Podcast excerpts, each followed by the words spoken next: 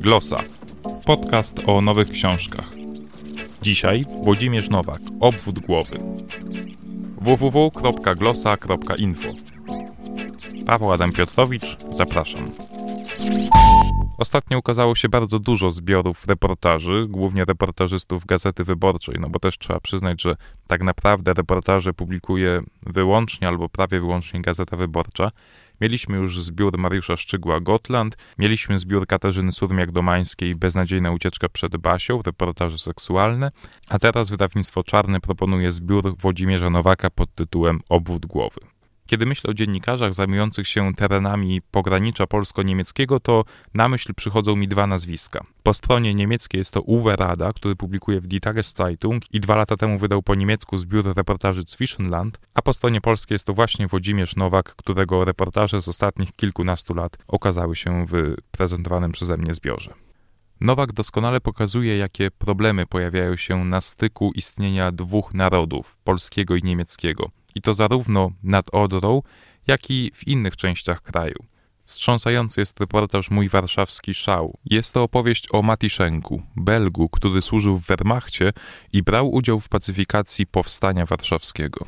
To jest zapis, którego nie spotykamy zazwyczaj w przekazach na temat powstania warszawskiego, bo jest to zapis wydarzeń widzianych oczyma człowieka z drugiej strony. Zapis nie tego, który bronił się, nie tego, który z honorem walczył jako powstaniec, ale tego, który był najeźdźcą, tego, który był zmuszany do mordowania ludzi, do wysadzania budynków, do plądrowania skarbców banków.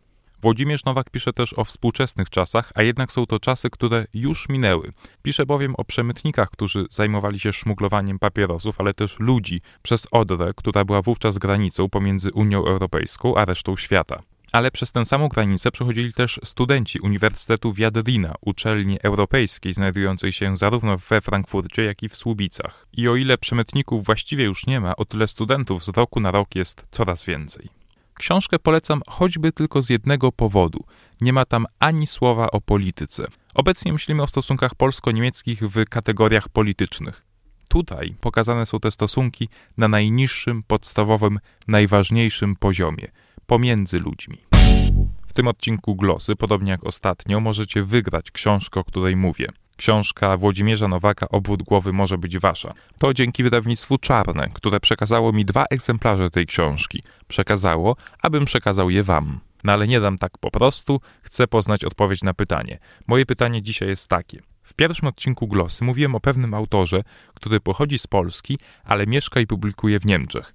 Proszę powiedzcie mi, a raczej napiszcie, o kogo chodzi.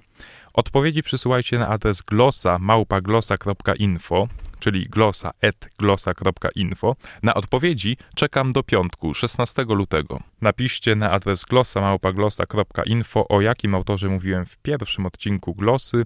Możecie wygrać książkę Włodzimierza Nowaka Obwód głowy. Powodzenia i do usłyszenia.